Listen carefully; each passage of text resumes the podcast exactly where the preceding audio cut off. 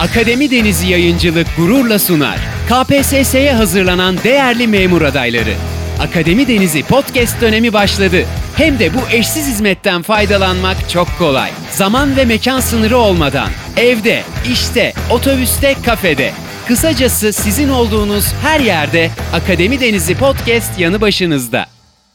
İç kuvvetler konusunda bu kez depremlerden bahsedeceğiz. Deprem yer kabuğundaki kırılmalar sonucu gerçekleşen ani sarsıntılardır. Bu sarsıntılar çevreye enerjiler halinde, dalgalar halinde yayılmaktadır ve oluşumuna göre depremler üçe ayrılıyor. Göçme depremleri, volkanik depremler ve tektonik depremler olmak üzere. Şimdi göçme depremleri için tabii ki özel bir tür arazi gerekli. Karstik arazilerde arkadaşlar aşınma sonucunda oluşan bu mağaraların dağların çökmesi sırasında meydana gelen sarsıntılardır göçme depremleri. Şimdi bu deprem türü etki alanı en dar, hasar ve tahrip gücü en az olan deprem türüdür ve karstik arazilerde gerçekleşir dediğimiz için ülkemizde de en fazla karstik arazi Akdeniz bölgesinde bulunduğu için göçme depremlere Akdeniz bölgesinde rastlanır diyebiliriz. İşte Teke ve Taşeli platolarında, Konya'nın güneyinde bakın çok sık göçme depremleri olmaya başladı son yıllarda. Obruk oluşumlarına rastlanıyor Konya'nın güneyinde. Yeraltı suları aşırı kullanılınca yer altında boşluklar oluştu. Sular çekildikten sonra ortaya çıkan bu boşluklar işte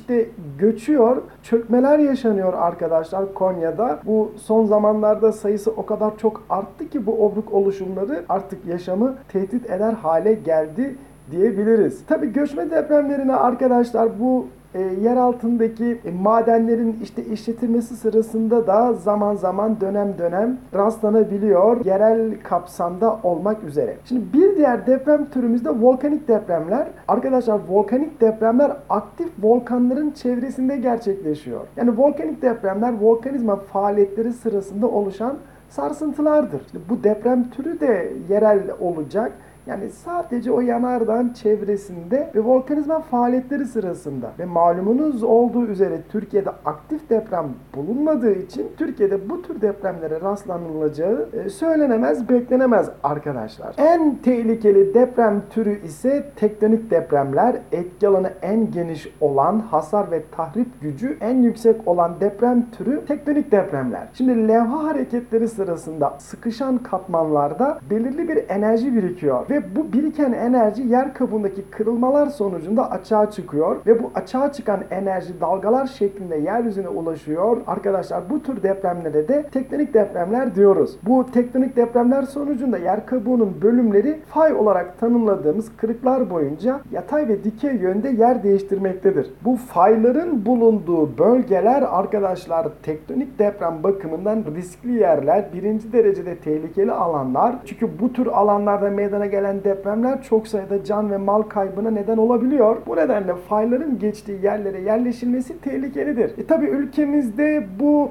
deprem riskinin yerleşme sırasında dikkate alındığını söyleyemeyiz. Yani buna kanıt olarak da Türkiye'de tektonik deprem riskinin en yüksek olduğu bölgelerin işte yoğun nüfuslanmasını gösterebiliriz. Örneğin Güney Marmara, Marmara bölgesi, İzmit tarafı, Sakarya Adapazarı ya da İzmir arkadaşlar Türkiye'de deprem olasılığı yüksek olan yerler ve aynı zamanda Türkiye'nin yoğun nüfuslu yerleri. Yine aynı şekilde Türkiye'de deprem riskinin zayıf olduğu yerlerin de seyrek nüfuslandığını görüyoruz. Örneğin Tuz Gölü çevresi. Bu da arkadaşlar Türkiye Türkiye'de yerleşme sırasında deprem riskinin dikkate alınmadığının bir diğer kanıtı. Yalnız bakın burada ben bir parantez açmak istiyorum. Türkiye'de iki büyük nükleer santral inşası devam ediyor. Sinop'taki Japon ortaklarla yapılan santralde şu an için bir durdurulma, bir dondurma söz konusu. Fakat arkadaşlar Akkuyu'daki santralin açılması bekleniyor. İlk reaktörlerin işte devreye alınması, daha sonra sırayla diğer reaktörlerin devreye alınacağı bekleniyor. 2020 2023 yılından itibaren Türkiye'de nükleer santraller elektrik enerji üretiminde önemli bir paya sahip olacak. Arkadaşlar burada bu konuya değinmemin nedeni bu iki nükleer santralin yapıldığı yer seçilirken deprem riskine dikkat edilmiş olunması. Yani Sinop'ta ve Mersin Akkuyu'da deprem riskinin çok zayıf olduğunu bu yüzden de bu iki santralin buraya inşa edildiğini söyleyebiliriz. Bu tarz soru yeni yeni nesil şeklinde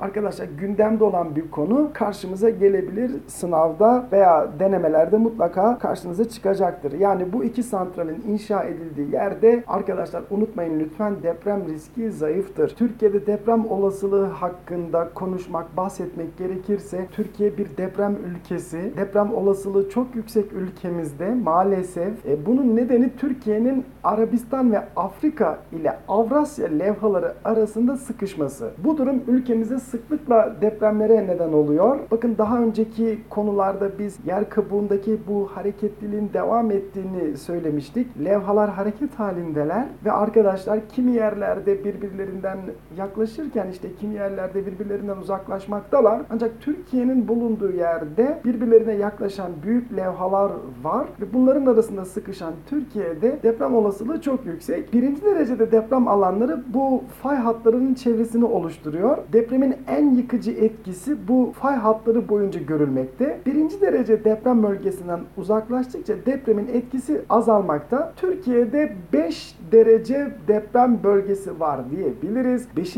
derece deprem bölgesi deprem bakımından en az tehlikeli yerler. Arkadaşlar Tuz Gölü'nün güneyi ile Anamur Burnu arası, Mersin Anamur Burnu arası bölge bu 5. derecede deprem alanı. Yine Güneydoğu Anadolu bölgesinde ya da Yıldız Dağları'nda deprem olasılığının çok zayıf olduğunu söyleyebiliriz. Türkiye'de yaşanan tektonik hareketler sonucunda bir taraftan eski faylar gençleşirken diğer taraftan yeni fay hatları oluşmaya devam ediyor. Yani Türkiye bu yüzden genç yapılı bir ülke. Henüz arazi tam olarak oturmamış yer kabuğu arkadaşlar. Bu yüzden Türkiye hareketli bir yer yapısına sahip. Deprem olasılığı çok yüksek. Anadolu'nun bu bahsettiğimiz sıkışma sonucunda 3 önemli fay hattı ortaya çıkıyor. Yeni oluşum gösteren genç fay hatları bunlar. Bunlardan ilki en batıda Saros Körfezi'nden başlıyor. Çanakkale'de Saros Körfezi'nden başlayıp Marmara Denizi'nin derinliklerinden devam ediyor işte. E, Gölcük, Yalova, Bursa, bakın Sakarya, Adapazarı, Bolu, Düzce, Çankırı, Tokat, Erzurum, Erzincan üzerinden doğuda Van'a kadar uzanıyor Kuzey Anadolu fay hattı. İkincisi ise Hatay'dan başlıyor arkadaşlar ülkemize giriyor. Maraş üzerinden Van'ın doğusuna kadar bir yay çizerek Kuzey Anadolu fay hattı ile birleşen Doğu Anadolu fay hattı. Yalnız burada dikkatinizi çekmek istediğim bu Doğu Anadolu fay hattının bir yay çizmesi. Yani Güneydoğu Anadolu bölgesinin içinden geçmiyor. Güneydoğu Anadolu bölgesinin etrafını dolaşıyor. Üçüncüsü ise e, ülkemizin batısındaki bu çöküntü alanları yani Ege'deki bu graben alanlarını kapsayan Batı Anadolu fay hattı. Şimdi bu Batı Anadolu fay hattı çok sık, e, örümcek ağı gibi böyle çok yoğun fakat boyları kısa. Yani diğer Kuzey Anadolu fay hattı gibi, Doğu Anadolu fay hattı gibi Türkiye'nin bir ucundan diğer ucuna uzanmıyor. Yani Tuz Gölü'ne kadar devam etmiyor Batı Anadolu fay hattı. Fakat arkadaşlar Ege'de çok yoğun bir fay hattının bulunduğundan bahsedebiliriz. Bu durum Ege'ye biliyorsunuz sıcak su kaynaklarının yaygın olmasını yani jeotermal e, enerji e, potansiyelinin yüksek olmasını kazandırmıştır. Bu üç büyük fay kuşağının dışında Türkiye'nin farklı bölgelerinde irili ufaklı fay hatlarının da mevcut olduğunu söyleyebiliriz. Şimdi arkadaşlar Türkiye bir deprem ülkesi dedik. Bakın bu saydığım iller işte zamanında hep büyük deprem yaşamış iller hala maalesef acı hatıraları gündemimizde unutmuş değiliz. 1939 yılında Erzincan'da 7.9 büyüklüğünde, 1944 yılında Cerede'de 7.2 büyüklüğünde, yine Erzurum ve Kars'ta 1983 yılında büyük depremler yaşanmış 6.8 şiddetinde. 99 depremi maalesef e, hala acı hatıraları e, beynimizde, zihnimizde. 99 yılında arkadaşlar Gölcük Kocaeli depreminin büyüklüğü ise 7.4 idi ve 2011 yılında Van'da 7.2 büyüklüğünde deprem yaşandı. Son olarak da sevgili arkadaşlar ülkemizde İzmir depremi yine e, can kayıplarına neden oldu maalesef. Tabi bu tehlike devam ediyor. Yani örneğin uzmanlar ama bugün ama yarın İstanbul'da büyük bir deprem bekliyor. Marmara'da deprem olasılığı çok yüksek. Şimdi bu durum Türkiye'nin yani deprem riskinin yüksek olması depreme karşı alınması gereken önlemlerin de ne derece önemli olduğunu ortaya çıkarıyor, kanıtlıyor. Arkadaşlar depreme karşı ne gibi önlemler alınabilir? Tabii ki öncelikle yani eğitim, yani halkın bilinçlendirilmesi, deprem anında yapılması gerekenler, öncesinde ya da sonrasında yapılması yapılması gerekenler, gerektiğinde işte deprem anında provalar ile yani tatbikatlar ile nasıl davranılması gerektiğinde yapılan eğitimler elbette can kayıplarının en aza indirilmesine neden olacaktır. Yapıların hafif, sağlam, kaliteli, dayanıklı, esnek malzemelerden oluşması, işte yapılar e, inşa edilmeden önce zemin etütlerinin yapılması yine deprem konusunda önem taşıyan tedbirlerdir. Bugün çıkmış olduğun memurluk sürecinde yeni şeyler öğrenerek hedefine biraz daha yaklaştın. Akademi Denizi Yayıncılık olarak her zaman yanındayız. Yeni bir derste görüşmek üzere.